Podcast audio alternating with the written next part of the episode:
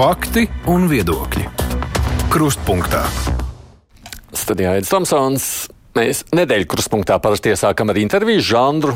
Protams, temati, par ko runājam, cilvēki, kurus iztaujājumi ir dažādi. Nu, šoreiz daudz nāksies runāt par tiesiskuma aspektiem un politiku, jo man šīs dienas studijas viesis ir bijušais satversmes priekšsēdētājs un tāds saimnes deputāts Gunārs Kūtris. Labdien jums! Labdien. Un Gunāram Kūtrim ir apsolīts saimnes priekšsēdētāja amats, kuru šobrīd aizņem nu jau opozīcijā, tagad jāsaka, esošā apvienotā saraksta pārstāvis Edvards Smiltēns. Bet, nu, Kotra kungs ir Zaļo zemnieku savienībā, viņi nu ir koalīcijas dalībnieki, tāpēc šodien parlamentā ir gaidāms balsojums par parlamentu priekšsēdētāju nomaiņu. Kāpēc gribat kļūt par spīkeri? Hm. Kāpēc es gribu? Uh, pirmkārt, jūs teicāt, ka viņam ir apsolīts šis amats. Atklāti sakot, uh, cik es sapratu valdības veidošanas sarunās, tad šis bija no tiem amatiem, uh, kurus, uh, lai izvar, būtu līdzsvars, piedāvāja ZZS. Jā. Un savukārt mūsu frakcijā, tad, kad mēs runājām par to, kuru virzīt uz kuru amatu, uh, izsprieda, ka man labāk būtu šis amats, jo uh, man ir pieredze gan prezidija darbā, gan arī iestādes vadīšanas darbā.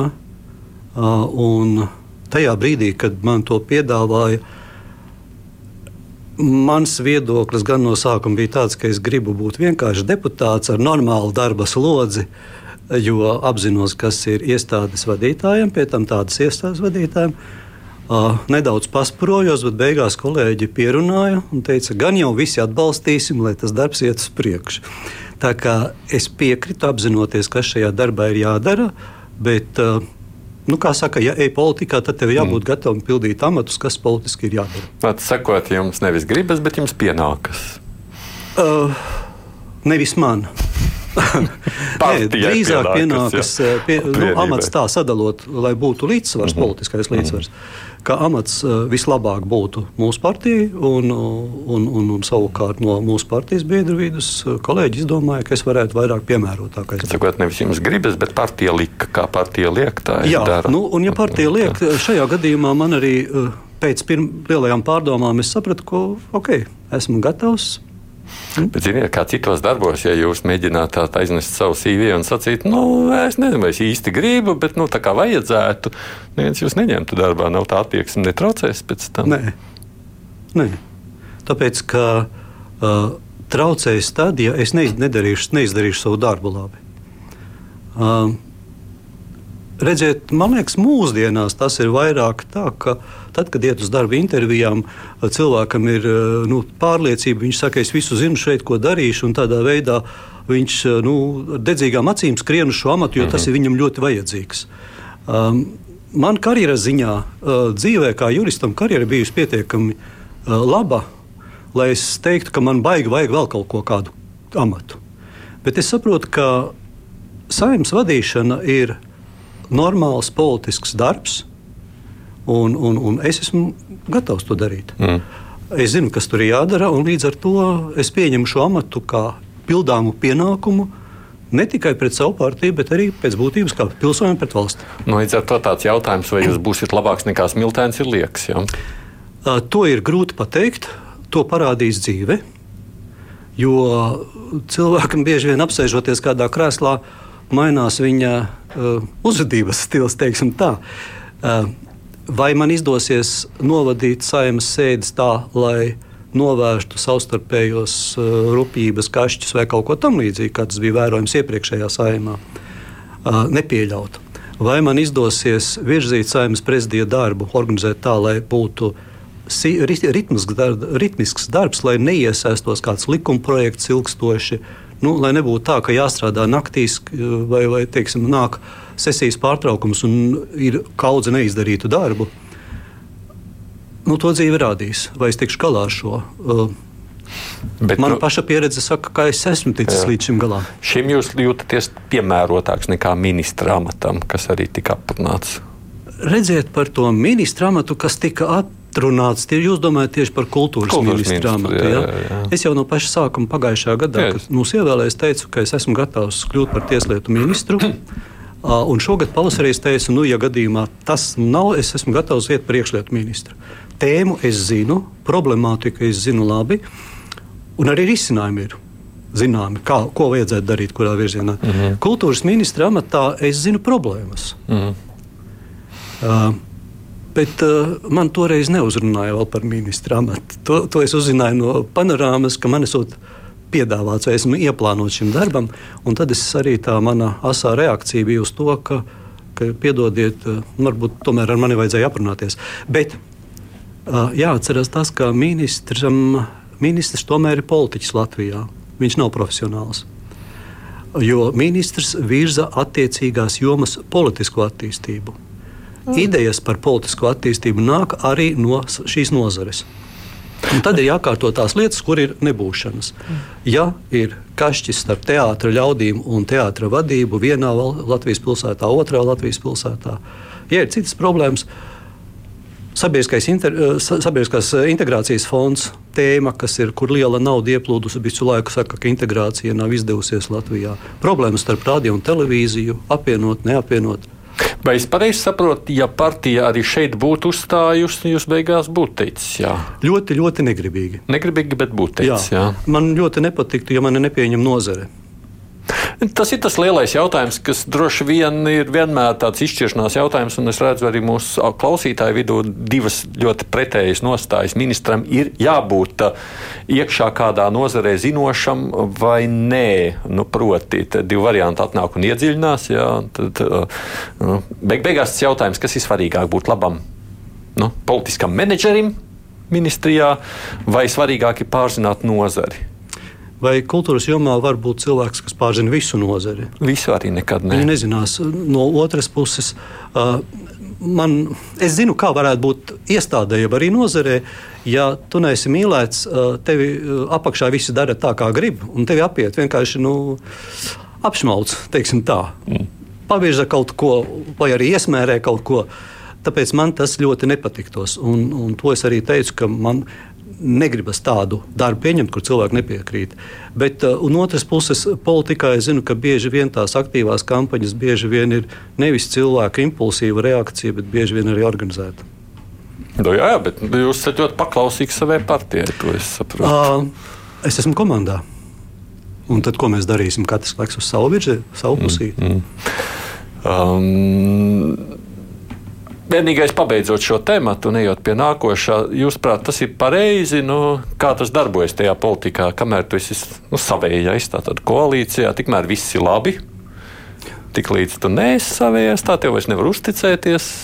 Jā, tev ir jādomā pret savējo. Jo būtībā jūs esat pīkars, būsiet tāpēc, ka esat tagad savējais. Man liekas, ka Evika Siliņa ļoti labi teica valdības apstiprināšanas sēdē saimā, ka nu, beigsim Latvijā to dalījumu savējie un svešie, jo ideja par Latvijas attīstību mums tomēr ir vienota. Nu, neviena arī opozīcijas partija nestrādā pret Latviju. Nu, nestrādā. Nu, kura, kura ideja ir tāda, ko opozīcija virza, un to pat uzreiz pateikt, ka tas ir pretlatviskā vai pret mūsu valsts interesēm? Jā, katrai politiskai partijai ir sava ideoloģija, un viņi mēģina savu ideju pavirzīt uz priekšu. Vai tā patīk citiem, tā ir cita lieta. Uh, politikā, man liekas, kur ir savējie svešie, tas ir drīzāk sava politiskā reitinga, savas partijas vai personīgā. Arī tā mēdz būt, ka vienā partijā katrs par sevi mēģina strādāt uz nākamajām vēlēšanām. Ka politikā bieži vien ir tā, ka es ar to varbūt varu pacelt savas partijas popularitāti, un mēs redzam, ka uh, opozīcijas piedāvātos priekšlikumus bieži vien koalīcija noraida. Lai gan pēc kāda laika virzā to pašu gandrīz ar savu redakciju tajā pašā likumā. Mm, to mēs varam redzēt tad, kad uh, koalīcija atturās balsot par kādu vērtīgu priekšlikumu plenārsēdē. Uh, tāpēc, ka zina, ka tas ir vajadzīgs, no, nu, bet šobrīd ne. Tas man ļoti nepatīk politikā. Bet jūs jau pats tajā esat iekšā. Tajā es esmu tajā iekšā. Es cenšos tajā iekšā, būdams, mēģināt kaut ko novērst. Lai, nu, lai jūs, taču, tā. jūs taču arī trešdien balsosiet nevis par smiltēnu saimnes priekšstādātāju, bet par viņu noņemšanu, vai ne? Uh, nu, jā, jā. Nu, bet, bet tas ir mazliet, saprotiet, Latvijas iedzīvotājiem pēc būtības tas ir pilnīgi vienalga, vai tur smiltēns vai kūtris sēž tajā krēslā. Viņus interesē, vai ar likumu kārtība valstī tiek sakārtota, vai cilvēkam ir vieglāk dzīvot, vai viņš var labāk pelnīt. To visu, kas notiek krāslas mainot, viņiem nu, cilvēkam. Jūs pateicāt, tad, vai jūs tur esat vai nesat, tas nevienam. Cilvēkam diez vai tas Latvijas cilvēku īpaši interesē. Hmm. Nu, kura seja vada sēdi? Ja viņš smuki vada, smuki izskatās, labi, slikti vada. Ja kādam ir personiskās ambīcijas, nu, ne ambīcijas, ne, bet personiskā nepatika pret konkrēto cilvēku, tā ir cita lieta. Bet to es nevaru novērst. Tad kāpēc vajadzīgs esat jūs? Kāpēc ir jāmaina smiltens? Kā jūs atbildat šo jautājumu? Uz šo jautājumu es atbildēšu, ka pēc principiem Latvijas valsts likumdevēja iestādi vada tās partijas pārstāvis, kuram ir vairākums lēmumu pieņemšanā. Koalīcija veidojas, jeb sadarbība starp partijām veidojas, lai vienotos par jautājumiem, kur, kur vajadzīgs vairākums, tātad, par kuriem varam vienoties. Līdz ar to mēģina virzīt parasti uz šiem amatiem cilvēku, kas ir no valdošās koalīcijas. Tātad jūsu uzdevums būs nodrošināt, lai viņi virzītās iniciatīvas aiziet. Mans uzdevums, nē, ne tik. Sabr... Nu, vai Saimas tas priekš... nepareizi pateicis? Saimas priekšsēdētājs virzītās iniciatīvas viens pats nevirza. Viens nevirza, protams. Pirmkārt, tas visas iniciatīvas nāk vai no ministra kabineta, vai no komisijām. Jā. Un Saimnes prezidijam šie jautājumi ir jāliek uz izskatīšanu rindas kārtībā, tā kā ir ienācis. Viņi nevar viņus norakt. Drīzāk kādu likuma projektu var norakt, jeb nevirzīt nepatīkamu komisijā likumdošanas komisijās. Līdz ar to saimnes priekšsēdētājiem šajā gadījumā ir jāskatās, lai visām partijām, visiem, visu partiju deputātiem saimā būtu uh, nu, nebūtu apdalīts kāds. Nu, cik visiem būtu savas vietiņas. Lai visi varētu, norma, lai visi varētu savu politisko darbību īstenot saimā, mm. un kādam nebūtu subjektīvi sliktāk, manā, manā ieskatā. Mm. Bet eh, tā kā es esmu, tā kā es būšu valdošās. Eh, valdošās koalīcijas pārstāvis, ja es būšu tikšu ievēlēts, es saprotu, ka politiski ir iespējami jautājumi, kuru virzība ir ātrāka un kuru virzība ir lēnāka. Jūs esat ilgstoši strādājis gan Tieslietu ministrijā, protams, vairāk ļaudis atcerās jūs kā satversmes tiesas priekšsēdētājs, jo tad jūs arī esat šeit kruspunktā studijā nereizi bijis. Nu, tiesiskums jums ir tāds svarīgs sastāvdaļa taču jūsu darba dzīvē, vai ne? Paši jūs nemulsina te ir tas pats vecais jautājums, neko jau es jauniems nepajautāšu, ka jūsu apvienības premjera kandidāts ir cilvēks, kas um, pirmajā instancē ir jau notiesāts tātad smagos noziegumos, kā mēs sakām. Tagad iet cauri apelācijas procesam, ir pasēdējis cietumā, nav izslēgts, ka atkal pasēdēs vēl, ir ASV sankcijas sarakstā. Uh, pirmkārt, es neizvēlos, kurš ir vai nav premjera kandidāts. To izvēlas, tri, to izvēlas triju partiju apvienība. Par to bija vienošanās pirms vēlēšanām. Pirmkārt. Otrkārt, es uzskatu, ka Lembergs ir labs saimnieks. Ja kāds saka, ka viņa saimniekošana kādā veidā ir sakārtota Vēncpils, ir bijusi slikta, nu, piedodiet, kurā vietā, kādā jomā. Tāpēc viņš kā saimnieks nav viņš kā saimnieks ir no tiem retajiem Latvijas politiķiem, kas saimniecību prastu sakārtot.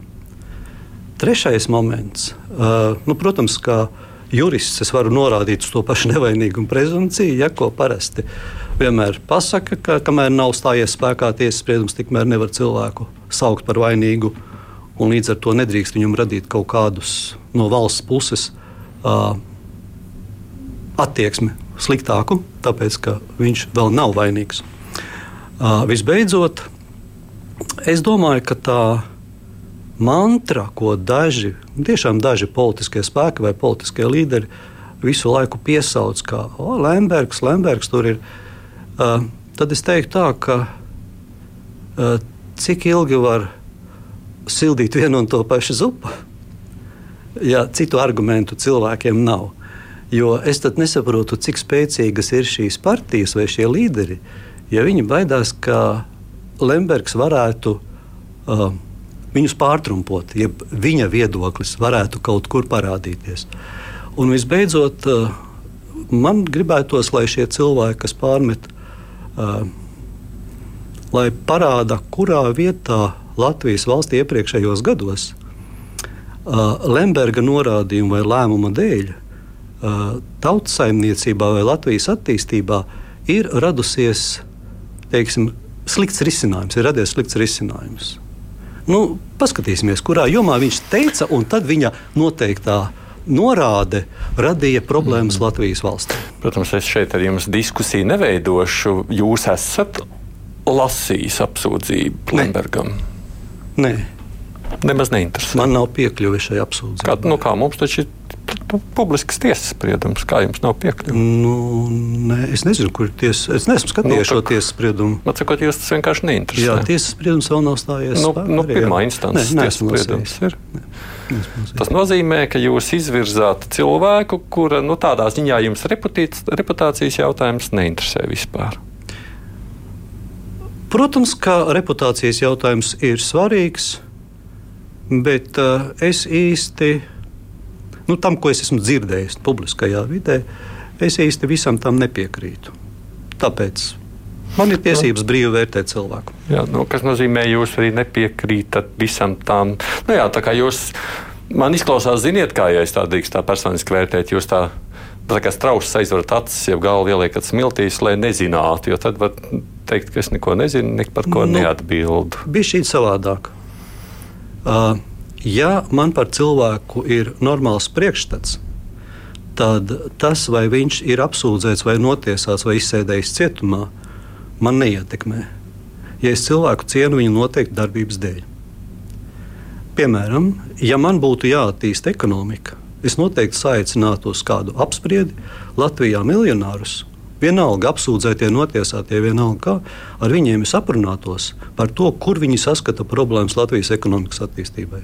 Kā viņiem izdevās savu, savu ekonomiku attīstīt. Tas nozīmē, ka nevienu cilvēku nedrīkst iezīmēt, nu, kā saucamo stigmu radīt par to cilvēku. Uh, un, un pret viņu izturēties slikti. Es izturos ar cieņu pret jebkuru cilvēku. Nu, jūs attieksmi sadzirdu, kā jūs domājat šajā kontekstā. Uh, Ja vēl mazliet no vēstures skatoties, arī 90. gados, kad jūs bijāt gan virsprokurors, taču, jā, gan vadījāt finanšu policijas pārvaldi, skatoties jūsu CV. Jūs arī tajos laikos neko nezinājāt, nedzirdējāt par Lembergu, visām aizkulisēm. Jā. Goda vārds nē. Mm. Uh, prokuratūrā strādājot, vispār nebija neviena lieta par šo tēmu, par šo uzvārdu. Uh, finanšu policijai nebija neviena lieta. Žurnālisti zināja, citi politiķi zināja, jūs nezinājāt. Redziet, viena lieta, ko žurnālists domā, un kas viņam šķiet, ka tas tā tiešām ir, lai jurists varētu, vai, vai izmeklēšanas iestāde varētu kaut ko sākt, ir jābūt konkrētiem faktiem. Es neatceros, ka būtu finanšu policija. Pirmo reizi es dzirdēju Lemberga vārdu, tad, kad es strādāju Tieslietu ministrijā, kur man prasīja, vai, ja pret cilvēku krimināla process nav uzsākts, bet pēc vecā kodeksa bija tā 109. pāns, kad, nu, kas nozīmē krimināla procesa, ne krimināla lietas ierosināšanas stadiju. Vai pret šo cilvēku var pieprasīt informāciju no ārvalstīm uh, saistībā ar viņu izdarīto noziegumu? Un tad man bija grūti tā kā es zināju starptautiskās sadarbības regulējumu, tad man bija grūti izskaidrot, kādā veidā starptautiskajos dokumentos aizdomās turētais vai apsūdzētais būtu pievelkams mūsu izpratnē persona, par kuru pēc būtības vēl pat krimināla lieta nav ierosināta. Līdz ar to toreiz es pirmo reizi dzirdēju, ka ir krimināla process, pareizāk sakot, ir pārbaude par Lembergu. Pabeidzot tikai arī šo tēmu, vēl, ja gadījumā pret Aivaru Lembergu stāsies spēkā notiesājošs spriedums, jo nu, tagad ir apelācijas instants, mēs nezinām, kā tas viss beigsies, kādai būtu tad jābūt jūsu apvienības reakcijai, jūsuprāt? Nezinu, to apvienība arī lems. Nu, jūs tur esat vispār bez viedokļa, bez balss? Es neesmu apvienības valdē. Esmu vienkārši vienas, vienas no trim partijām ierindas biedrs. Protams, viedokļi var paust, vai pārējie arī tam ticēs, vai, vai tam pievienosies. Nu, kāds ir jūsu viedoklis? Es vēl nezinu, paskatīsimies, kad notiesās. Ja notiesās. Nu, paskatīsimies. Kas nozīmē, ziniet, kā man izklausās, jūs esat tāds. No, nu, Es uzticos viņiem, viņi tur var, ko viņi izlems. Es esmu viņiem karavīrs, peška, pildu viņu pavēles. Es esmu tiešām viens no partijas biedriem. Uh, pirmkārt, es esmu ļoti jauns biedrs šajā partijā, Latvijas Zemnieku savienībā. Un, uh, lai, um, ja vairākums lemj partijā par kaut ko, ko man pacelt spūras un teikt, oi, tad es ar jums kopā nestrādāšu, nu, tas ir puiciski tāds, nu, puikas līmenī. Ejot uz nākušo tēmu, tas, kas koalīcijas izveidēja sakarā šajās dienās mulsināja, daudzas ir tā jūsu apvienības nostāja par Stambulas konvenciju un dzīves biedru likumu, kas acīm redzot būs tagad nākošajās nedēļās arī uzmanības lokā. Vispirms par konvenciju. Jūs esat par tās ratificēšanu tagad? Jautājums ir ļoti, es teikšu, tā riebīgs. jo, kā jurists esmu teicis, ka Latvija var iztikt bez šīs konvencijas pilnībā. Nekas no starptautiskā dokumenta ratificēšanas nekad nav mainījis konkrētajā valstī valsts, ja grib, viņa pati sakārto šo tēmu. Taču uh, Un arī mūsu uh, politiskā apvienība ZZS, protams, ir pēc būtības konservatīva šajā jautājumā. Bet ir viena lieta. Um, mēs varam pārkāpt, es pieļauju domu, nu, vēl jau nav vienošanās tā galīgi frakcijā panākta. Mēs varam pārkāpt šim, šim aizspriedumam, ja pateikt, ka nē, mēs nepievienosimies. Ja no tā visa iegūst, teiksim tā, ir vienotāka, vienotāka politiskā, valsts politiskā rīcība, ja tā ir vienota. Jo pievienojoties vai nepievienojoties, diži nekas nemainās. Vienīgais, kas ir, un es to esmu teicis arī kolēģiem, kas bija iepriekšējā valdībā, ja no šīs konvencijas mēs panāktu triju punktu nevis atrunu, bet tā saucamo interpretatīvo deklarāciju, proti, mēs pateiktu, ka ar šo jēdzienu saskaņā ar mūsu satversmi un konkrētu starptautisku citu dokumentu saprotam to un to. Nu, kaut vai, piemēram, Stambulas konvencijas 14. pantā ir par to, ka izglītības programmās ir jāiekļauj šī bērnu audzināšana atbilstoši tam genderismu ideoloģijai. Tad es teiktu, ka Uh, primāri ir ANO konvencija, kur ir rakstīts, ka vecākiem ir tiesības noteikt, uh, ko bērniem māca. Uh, līdz ar to šādu vienu konvenciju nevar pārkāpt vecāku tiesības. Un vēl divi panti, kuros tādu līdzīgu izskaidrojumu no Latvijas puses varētu sniegt. Jo beig beigās Vienalga, vai tā ir Grēvija vai kāda cita uh, ekspertu grupa, kas uh, atbrauktu un mēģinātu mūs pamācīt, kā ir pareizi jāsaprot uh, genderisms vai, vai kāda cita šajā konvencijā ierakstītā mūsu ideoloģija nepieņemamā, nepieņemamā. Viņiem skaidri un gaiši mēs varam pateikt, atvainojiet. Ko jūs saprotat zem vārdu genderisms un tā nepieņemamā šajā, ideoloģija? Uh, šajā gadījumā tas ir sociāli būvētā dzimta, sociāli būvētā dzimta, nevis bioloģiskā dzimta. Bet šajā, šajā likumā, šajā, atunu, šajā konvencijā tā, tā pamata, tā, tā, redziet, ja tā konvencija būtu tikai par vardarbību ģimenē vai pret sievieti, nav nekādu problēmu. Bet kāpēc citas valstis ar ļoti lielu piespiedienu gāja uz ratifikāciju? Kāpēc cilvēki strīdas par to. Tas nozīmē, ka šajā konvencijā ir ielikts arī kontekstā cits kaut kas. Tā tad nu, izskaidrot, lai nu, šajā Jā. gadījumā vienkārši jums ir redz, iespēja pie mikrofona mm -hmm. izskaidrot, kā jūs saprotat. Tur laikam ir runa, tātad, kas tur bija dzimuma lomas vai kas cits. Sociāli, tas, tas nozīmē, ka. Nu, izstāstiet. Ka tā pamatideja ir tāda, ka bioloģiskais dzimums nav noteicošais. Noteicošais ir tā, kā cilvēks sevi sociāli ir iekonstruējis. Tas nozīmē, ka viens var justies kā vīrietis, cits var justies kā sieviete. Sabiedrība šo cilvēku var uztvert nu, nezinu, kā vīrietis vai, vai sieviete. Un caur šo skaidrojumu pēc būtības nozīmē, ka nav svarīgi cilvēka bioloģiskais dzimums. Aiz tā tālāk nākamais seko, ka visas šīs laulības un vispārējais ir jāignorē šīs attiecības. Es saprotu, ka konvencija ir domāta, lai vardarbība nenotiktu pret cilvēku atbilstoši. Jūs ieraugat to, ka šī konvencija paver ceļu. Kādā veidā?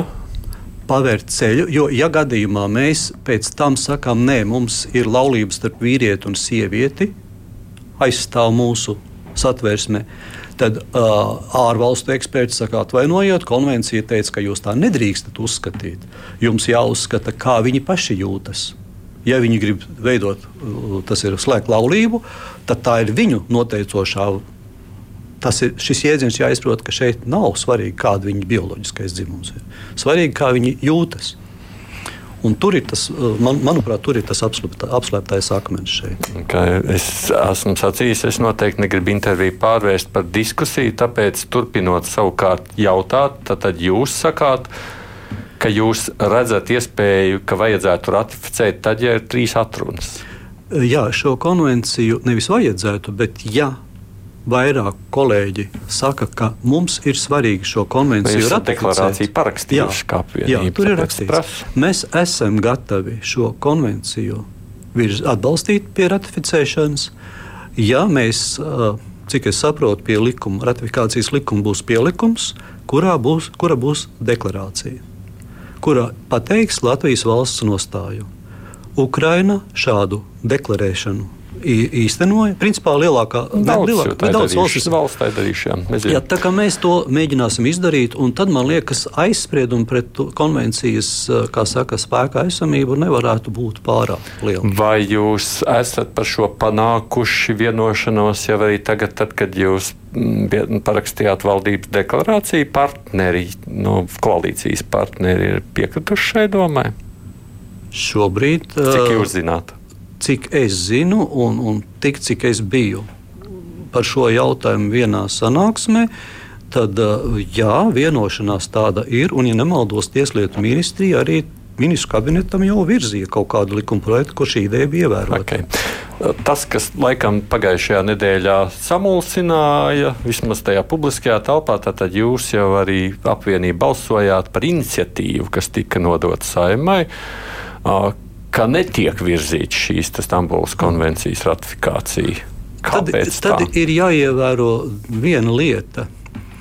Um, Saimā ir bijušas vairākas iniciatīvas saistībā ar Stambulas konvenciju. Un iniciatīvas nodošana komisijai, izvērtēšanai, nenozīmē, ka gala rezultātā komisija teiks jā vai nē. Mēs varam skatīties jebkuru e, pilsoņu vēlētāju iniciatīvu, kuras parasti nodod vai nu valdībai vai komisijām, un komisija analizē kontekstā ar citu. Bet kāpēc tad balsojat par šo, ja jums jau ir sava nostāja? Atvainojiet, kāpēc cilvēku, varbūt cilvēku argumenti ir tādi, ka komisija pārliecinās un komisija teiks, nē, šeit ir pilnīgi ziepes. Jūs par visām ļaužu iniciatīvām gribētu balsot par? Uh, ir viena, kura pēdēj, viena no pēdējām, ko es atceros, uh, ir, uh, ko, ko mandāta komisija noraidīja, un arī man liekas, plenārsēde noraidīja. Tas bija par to, ka beigsim uzturēt valsts prezidentu pēc viņa pilnvaru uh, termiņa beigām no valsts līdzekļiem. Uh, nu, cilvēki nezina, ka vairs tāds uh, bonus pēc pilnvaru beigām uh, prezidentam vairs nav kāds bija pašā sākotnējā. Otra lieta, es uzskatu, ka tas ir no, nu, tas gan juridiski nav pieņemams. Valsts rūpēs par savu prezidentu. Var sakot, tādos izņēmumu gadījumos, ne pārējās jūs būtu par visu. Varbūt idejas, kuras, kuras nav pieņemamas, tāpēc es varu balsot pret, bet idejas, kuras var vērtēt, nu, kur ir argumenti savi, kāpēc ne? Jo tas tiks vērtēts kopā ar to ratificēšanu jāizsver viss. Un otrs par dzīves biedru likumu. Ui, arī smags jautājums. Es zinu, ka pagājušajā iepriekšējā saimā šie, šāds likuma projekts netika virzīts uh, tālāk, tika noraidīts, pareizāk sakot. Mm, man ir tās, tā iespēja redzēt to jauno plānoto regulējumu. Kāds ir domāts, es uzskatu, ka tas ir gana korekts. Um, kā valsts var zināt, kuri cilvēki grib dzīvot kopā. Valsts to zinās, un šiem cilvēkiem savstarpēji dzīvojot, būs arī teiksim, vairāk, man gribētu teikt, mantiskās sekas, līdzīgākas kā tiem, kas dzīvo arī laulībā. Bet šīs Latvijā tas nebūs atzīts par laulību. Kāpēc es šim jautājumam piekritu, un arī kolēģiem uh, frakcijai teicu, ka nu, tas ir ok risinājums. Jo beig beigās ir satversmes tiesas spriedums, visiem labi zināmais, par ko strīdās. Sat, tur gan satversmes tiesa vairāk netika uz, ne jau uzspied par laulību, bet drīzāk runāja par to, ka ģimenes var būt dažādas. Un, un valstī vajadzētu atbalstīt, ja vienādi izturēties pret visām ģimenēm. Uh, Pēc būtības mēs jau 2009. gadā satversmes tiesā vienā spriedumā īsti nezinājām, ko darīt, jo varbūt ģimene, kur ir teiksim, vecmāmiņa ar bērniem, vai viņiem atbalsts ir tāds pat kā ģimenei, kur ir vecāki ar bērniem. Un Daudzos gadījumos atrisināja šo jautājumu jau vecajos, vecajos procesuālajos likumos, piemēram, bija atruna par kopīgo maisaimniecību, tie, kas kopā dzīvo. Uh, tajos procesos, tajās lietās šis formulējums jau to atrisināja. Pret viņiem izturējās kā, kā vienā ģimenē dzīvojošiem, tik jēdzienu lietoja. Tāpēc es teiktu, ka mm, tāds regulējums, kāds ir plānots, tas atrisina šo jautājumu, radot tiem cilvēkiem tiesības, uh, ja viņi grib. Lai dzīvo kopā, valsts zina par viņu reģistrēšanos un dod zināmus materiālos teiksim, uh, pielīdzinājumus. Jūs mani ieintriģējāt ar to, ka jūs esat redzējis kaut ko, kas, saprot, publiskā apspriešanā nav. Nav vēl. Tas nāk no Tieslietu ministrijas. Jā atšķirīgāks no Bordāna kunga izstrādātās tieslietu ministrijas piedāvājuma. Jūsuprāt, konservatīvāks? Nu, es gribu saprast, jūs to korektāks. Korektāks. Korektāks, apzinoties. Kādā ziņā korektāks? Korektāks ir tas, ka tiek atrisināts tas, par ko publiski visi prasa. Nu, ne visi, bet uh, tie, kas aizstāv šo ideju. Um, no otras puses, nav tik uh, kā to teikt, nevis progresīvs, bet nav tik uh, pārspīlēts, lai mēs teiktu, ka, ir, ka tā ir laulība vai, vai kaut kāds savādāks. Es parasti, es parasti saku tā, Latvijas sabiedrība šim jautājumam īstenībā vienmēr ir ikdienā izturējusies pēc būtības neitrāli. Ja cilvēks neuzspiež savu viedokli un nedemonstrē savu viedokli, visos laikos ir bijuši cilvēki, kas mīl viens otru, grib kopā dzīvot, dažāda izturēšanās pret viņiem. Un, un pēc būtības ja cilvēks grib savu dzīvi sakārtot, nu dariet. Valsts neiejaucas šajā jautājumā. Bet šobrīd tas jautājums ir pacelts tādā uh, līmenī, lai, lai saka, valsts dodiet mums kaut kādus vēl papildus bonusus, tāpēc ka mēs redzam, būsim tā ģimene. Nu, okay. Kaut kur mēs pielīdzināsim. Mm. Atrisināsim šo jautājumu. Uh, Es, man radās daudz jautājumu ar šo projektu. Gan par tām, tām mantošanām, gan par kopīgu kopmantu, gan par bērniem. Bet es sapratu, ka civil likums to jau noregulē. Un šajā gadījumā apvienība jūsos ir ieklausījusies. Ja? Uh, es teiktu tā, ka ieklausīsies tad, kad šis projekts nāks uz saimu, bet es saviem kolēģiem esmu iedevis īsu rezumē par šo jautājumu ar, ar tādu izskaidrojumu, lai teiktu, ka tas neaizskar tās vērtības, par kurām mēs cīnāmies.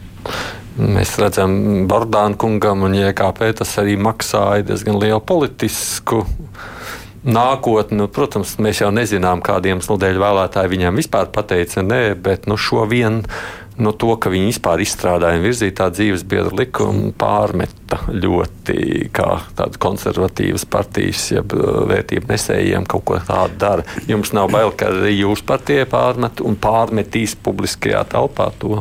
Nu, redziet, uh, viņiem pārmet, ka viņi bija konservatīvāki. Mm -hmm. nu, viņiem arī partijas nosaukums tāds bija. Uh, mums mums pārmetīs par to, ka mēs atteicāmies no zināma konservatīvas pieejas šim mhm. jautājumam, tad pretējais viedoklis nav labi neviena ne otri. Es domāju, ka mums ir jāiet līdzi uh, pasaules attīstībai.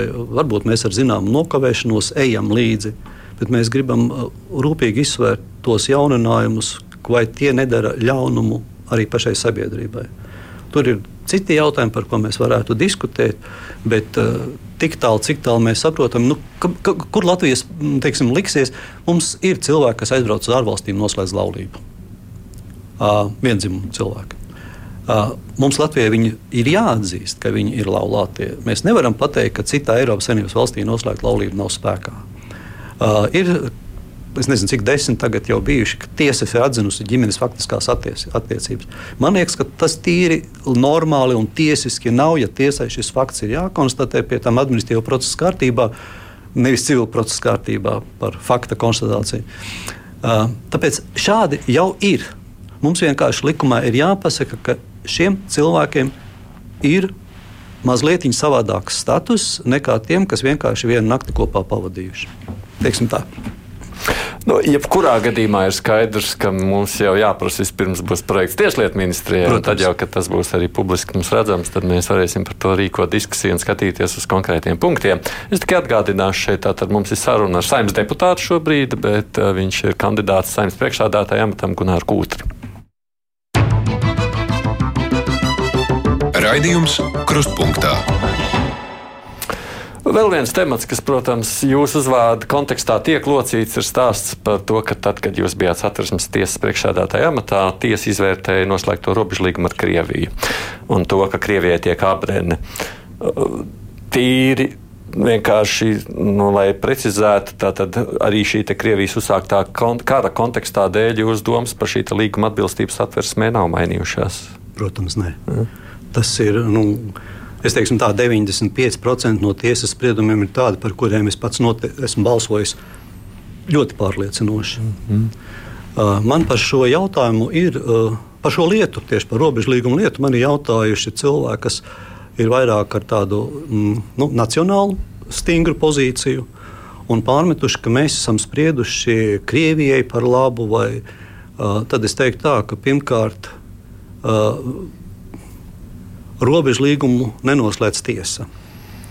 Uh, projektu gatavo visu valdība un pēc tam saima. Tātad tie cilvēki, kas pārmet, bieži vien tajā pašā saimā vien bija, varbūt balsoja pret, bet ar balsu vairākumu viņš tika ratificēts. Uh, tas līgums. Uh, otra lietiņa, ko gan es gribētu ļoti strikti pateikt, šajā uh, līgumā, es atvainojos, šajā spriedumā, kas ir diezgan garš, uh, kā vienmēr tiesa vērtē juridisko pusi. Kādreiz tiesai pēdējos gados pārmet, ka tiesa politiski kādreiz mēģina jautājumu risināt. Tiesību politiku it, it kā tiesai nevajadzētu veidot. Bet šajā lietā mēs izteikti risinām juridisko pusi. Un jautājums, pamat jautājums bija tas, vai Latvijas robeža ir tā, kas ir ierakstīta starptautiskajos līgumos, strīdus ābolos, vai starptautiskie līgumi, kas bija spēkā uz satversmes pieņemšanas brīdi, vai valsts, kā neatkarīga valsts, Latvija var slēgt robežu līgumus arī vēlāk. Un tad, kad man teica, kā, nu, kā jūs tā neievērojat Latvijas robežas, kā tas bija uz to 22. gadu, uh, līgumos noteiktas. Es saku, atvainojos, ar kurām valstīm bija stabili līgumi, starptautiskie līgumi par robežām. Man, ja nemaldos, 27. un 29. gadā bija pēdējie, kas tika noslēgti.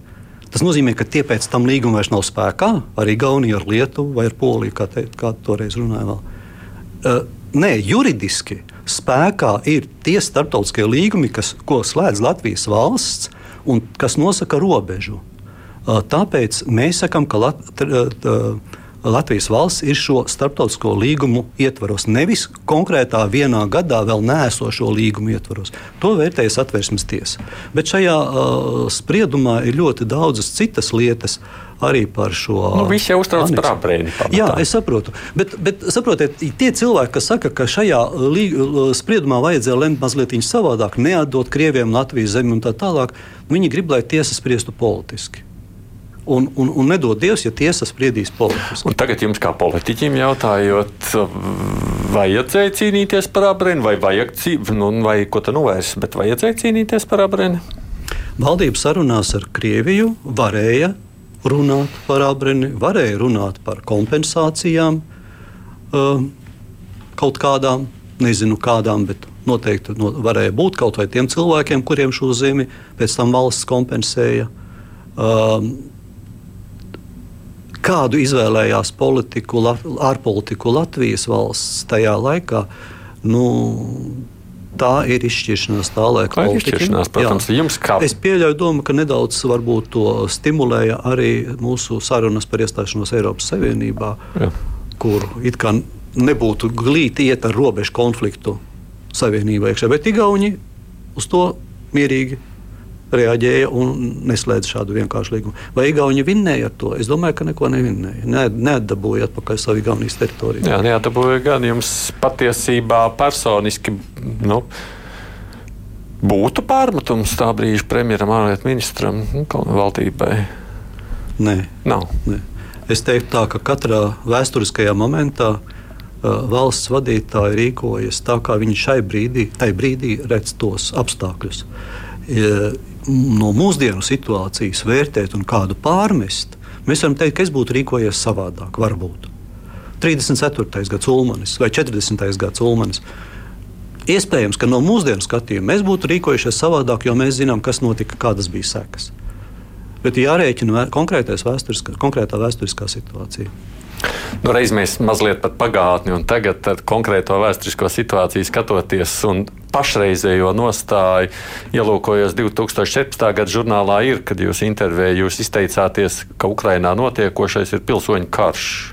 Toreiz tā jūs domājāt, tā es saprotu. Tagad joprojām, 14. gadā. 14. gadā. Tagad joprojām tā domājat? Nē, nē. Uh, man tas vairāk uh, likās tas, kas notika tajās okupētajās teritorijās, Doņetskas, Luhanskas uh, apgabalos. Uh, man tobrīd likās, ka tas vairāk ir uh, iekšēji vietēji iedzīvotāji. Tas, ka tur atradās arī Krievijas karaspēks, Man pat likās, vai toreiz Krievijai un Ukrainai nebija kaut kas kopīgs, kaut kāda bruņoties spēka, nu, vai vismaz kaut kāda līguma par šo atrašanos, bet es ne, neesmu tāds speciāls šajā jautājumā. Par ko gan es toreiz ļoti precīzi pateicu, par to, ka tās vēlēšanas, kurās tika atzīts, ka šīs teritorijas ir neatkarīgas valstis un, un ka tā, tās var pievienoties, pēc tam bija arī par pievienošanos Krievijai ka tas gan ir pretrunā starptautiskajiem līgumiem, jo tieši robežu līguma sakarībā mē, mēs pētījām, nu, skatījām šo starptautisko regulējumu, un ka nevar būt. Eh, nevar atzīt par pareizām vēlēšanu, jeb likumīgiem vēlēšanu rezultātus, ja vēlēšanās piedalās uh, okupācijas uh, valsts karaspēks. Arī. Mm -hmm. Proti, variet balsot tajā pašā Krimā. Arī. Un, un tāpēc šīs vēlēšanas noteikti nevarēja tā notikt. Bet, uh, Jā, tas bija 14. gads pats sākums. Es īsti nesapratu, kas tur notiek. Mm. Nu, tagad, eh, protams, situācija ir acīm redzamāka, pilnīgi noteikti. Kam tad starptautiski, jūsuprāt, tiesiski būtu jānotiek ar Krieviju pēc tam, kad karš būs beidzies, cerams? Nu, scenāriji tiek rakstīti, un ir, politologi ir izteikuši dažādas versijas ir emocionālākas, mazāk emocionālas. Uh, nekur Krievijas teritorija nepazudīs. Tā teritorija ir, sauszeme ir. Ir jautājums, vai Krievija saglabāsies kā vienota valsts, vai viņa sašķelsies. Dažādi versijas ir izteiktas.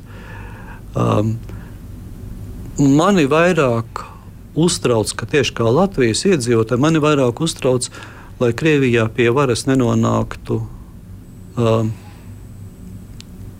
izteikti teroristiski grupējumi, proti, kuriem, kuri varētu sūtīt armijas uz Latvijas, uz Baltijas pusi, uz Somijas pusi, principā uz visām tām valstiņām, kas blakus viņiem ir un viņiem nepatīk. Tas man šķistu, nu, kā saka, vadoņi kaut kādu pieņem lēmumu, viņiem cilvēku, Krievijas iedzīvotāju dzīvības nav no svara, kas viņiem tur ir 100 tūkstoši, 200 vai 1 miljons no tiem pārējiem miljoniem, viņiem tas ir nospļauties. Un viņi sūta tikai, ja nu gadījumā kaut kas izdodas paņemt. Es ļoti to negribētu. Tāpēc man Es nevaru pateikt, ka, ka man negribas, lai Krievijā vara mainītos, bet man gribas, lai mainītos krā, krā, krā, tā vara. Bet man ir bail, lai tu nenonāktu pie varas vēl reakcionārāki spēki. Bet tajā Ukraiņas kara kontekstā tribunālam jābūt, jā. tiesāšanai jābūt, jā. arī Putina tiesāšanai jābūt. Jā, es, es, par to gan es piekrītu. Ja kāda valsts ir pārkāpusi starptautiskos līgumus, anektējusi citas valsts teritoriju un tad pēc tam okupējusi. Plus vēl tur parādās, ka vadītāji neiebilst pret kara noziegumiem. Un proti, kara noziegumi ir izturēšanās pret civiliedzīvotājiem, pret infrastruktūru, kas nav kara militārie objekti. Ka šajā gadījumā tas ir acīm redzamais kara noziegums. Cilvēki ir saucami pie atbildības. Startautiskais tribunāls nu, runa par tā izveidošanu ir kaut gan arī esošais, ir, bet var veidot konkrēti vienai lietai. Svarīgākais, lai šie pierādījumi tiktu savākti un lai būtu tik daudz pietiekami, ka varētu paša valsts vadītāji saukt pie atbildības.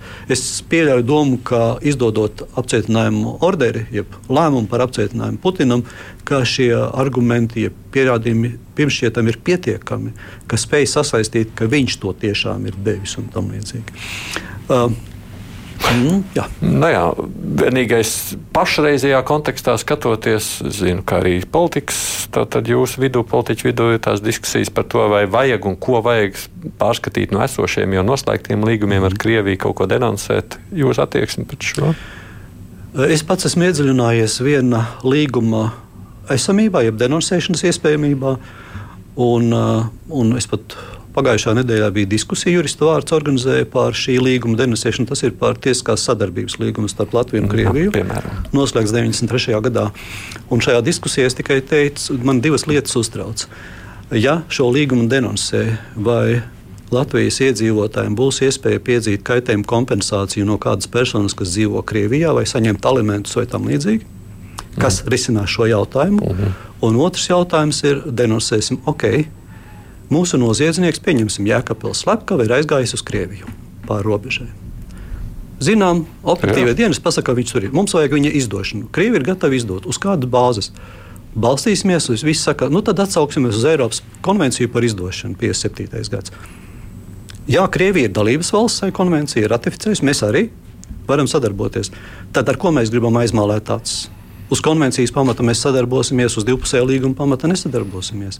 Tāpēc ir jārēķina, kas notiek, ja denoncējam. Var, protams, politisku žestu izrādīt pret Krieviju, ka mums nevajag šādas divpusējās attiecības, būs daudzpusēji līgumi.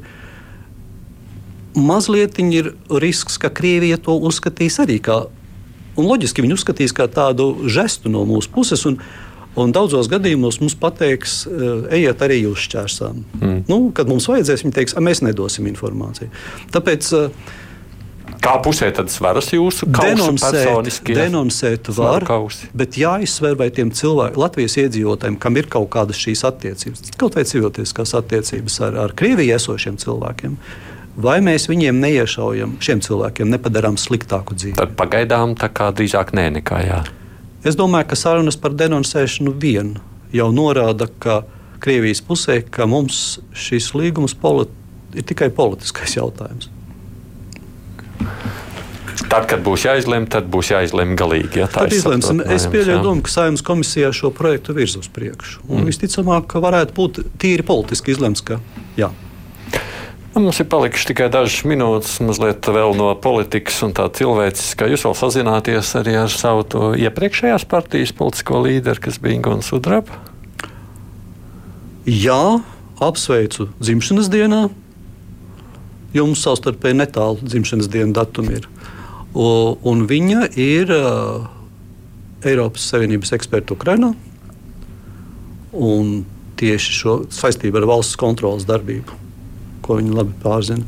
Un, uh, un viņa pie manis arī teiksim, pavasarī griezās, uh, vai es atceros kaut ko no Venecijas komisijas slēdzieniem attiecībā uz uh, tiesu sistēmas pārvaldību. Un tad, protams, tā kā es Venecijas komisijas eksperts esmu bijis šajos jautājumos vairākās valstīs, ja es iedevu tos materiālus, kas man zinām, kā labāk pārvaldīt tiesu sistēmu. Kāpēc tā partija, jūsuprāt, nodega?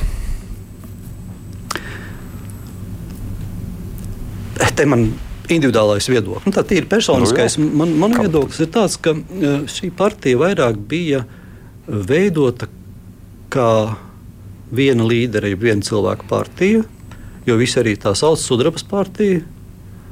Un līdz ar to sudrabai, jeb, jeb viena līdera partijai veicot politisku uzbraucienu, jeb pārmetumus šim vienam cilvēkam, pēc būtības tā partija tiek sagrauta. Uh, un ja vēl līderis pieļauj kādu kļūdu, tad tas dubultā vēl kādreiz var sist. Un, un, un tāpēc, tāpēc tā situācija bija, ka Lenītēm šī partija iz, izjūta. Sudrabs kundze pieļāva kļūdas.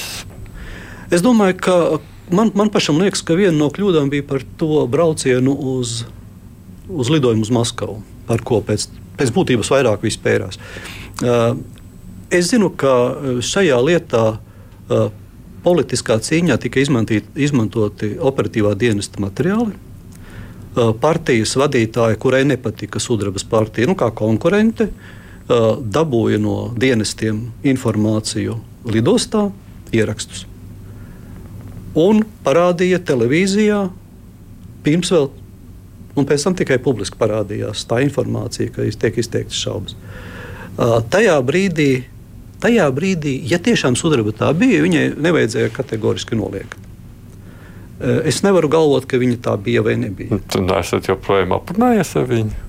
Es uh, neuzdevu šo jautājumu, jo cilvēkam pašam jātiek galā ar savu pozīciju. Nu, kāda ir? Uh, ja Nē, es atvainojos šajā gadījumā, es tagad samelošos. Man liekas, ka man bija ar viņu saruna vai par šo lidojumu, vai kā. Jo, nē, vai, Precīzi es jums nepateikšu. Bet tā bija. Tas, tas lidojums, kas bija, tur brauca no Latvijas vairāk cilvēku, ne tikai viņa. Man liekas, ka tas bija saistīts ar pareizticīgo baznīcas pasākumu. Jo, nē, nē, nu, viena lietā jūs saktītajā es dzirdu, tātad jūs esat pārliecināts, ka tas lidojums bija. Tikai viņi sacīja, ka nebija. Subjektīvi man liekas, ka bija. nu, loģiski, jā. Bet, bet, bet mm. nu, tas radīja to. to, to Nu, tādu mazliet varbūt savstarpēju neusticēšanos. Politiķis nedrīkst melot. Uh, nu, tagad gan es nezinu, ko man teikt. Man liekas, ka politiķi melo diezgan bieži. No pieredzes. Uh, es uh, pats esmu televīzijā skatījies, kā uzvedas politiķi. Un, uh, bieži vien ir tā, ka acīs skatoties, saka, nē, mēs nekādā veidā, bet klusi atbalsta to pašu tā nav melošana, nezinu. Un jūs pats? Nu, tas ir apmēram tā, nu, kad saprotiet, es, es, es nevaru pārkāpt saviem principiem. Nu, es, es nevaru melot tajā brīdī. Tāpēc, tad, kad piemēram par to pašu Stambulas konvenciju, ko jūs mm -hmm. jautājāt, es varētu teikt, pārliecinoši, viss ir kārtībā, jā, tur normāli ejam uz priekšu. Es, es atklāti pasaku, man tā konvencija nepatīk. Nepatīk, un, un, Bet kā jurists, es saprotu, ja mums vajag viņu ratificēt, viņu vajag, pie viņas vajag piestrādāt tā, lai mēs varētu teikt, ka jā, ok, šādā veidā varam ratificēt. Tāpēc, nu, vai vienmēr nemelojam? Es nezinu, cik ir varbūt meli sīkie un varbūt arī tie, kas ir vajadzīgi. Tā tomēr var būt. Nu, dzīvē var būt. Mēs nekad neizslēdzam. No tāda viedokļa, ka šeit žurnālisti vienmēr rēķināties, ja jūs ne, izvairieties no atbildes, tad jūs neatbildat, vai arī atbildat. Nu, ja, ja jūs gribat, lai es būtu labs politiķis, es vienmēr atbildēšu. Es neizvairīšos no atbildes. Vienīgi vai šī atbilde būs tieši uz jūsu jautājumu, vai es būšu mēģinājis aizplīvot kaut ko tādu, cita lieta. Nu, jā, kā to politiķi arī mēdz darīt. Dara. Bet paldies, ka atnācāt šeit uz sarunu. Veselu stundu gan arī mums bija saruna ar saimnes deputātu no Zaļo zemnieku savienības, arī topošo iespējams, bet jebkurā gadījumā kandidāts saimnes priekšsēdētājā Amata Gunārs Kūtris. Paldies, vienmēr laipni! Rīt kolēģiem ārējai sarunai saruna būs par jauno valdību. Nu, kā jūs zināt, mums tā tad jauna deklarācija, jauns rīcības plāns, visu to īstenos arī citi ministri. Uh, par to, cik tad varētu mainīties līdzinējā politika, ko mēs par to varam spriest. Šeit studijā vienkārši būs dažādu nozaru un savas jomas eksperti. Tātad skats no viņu puses. Producenti pāriem pienākums Ieva Zēza studijā bija es, Aits Tomsons.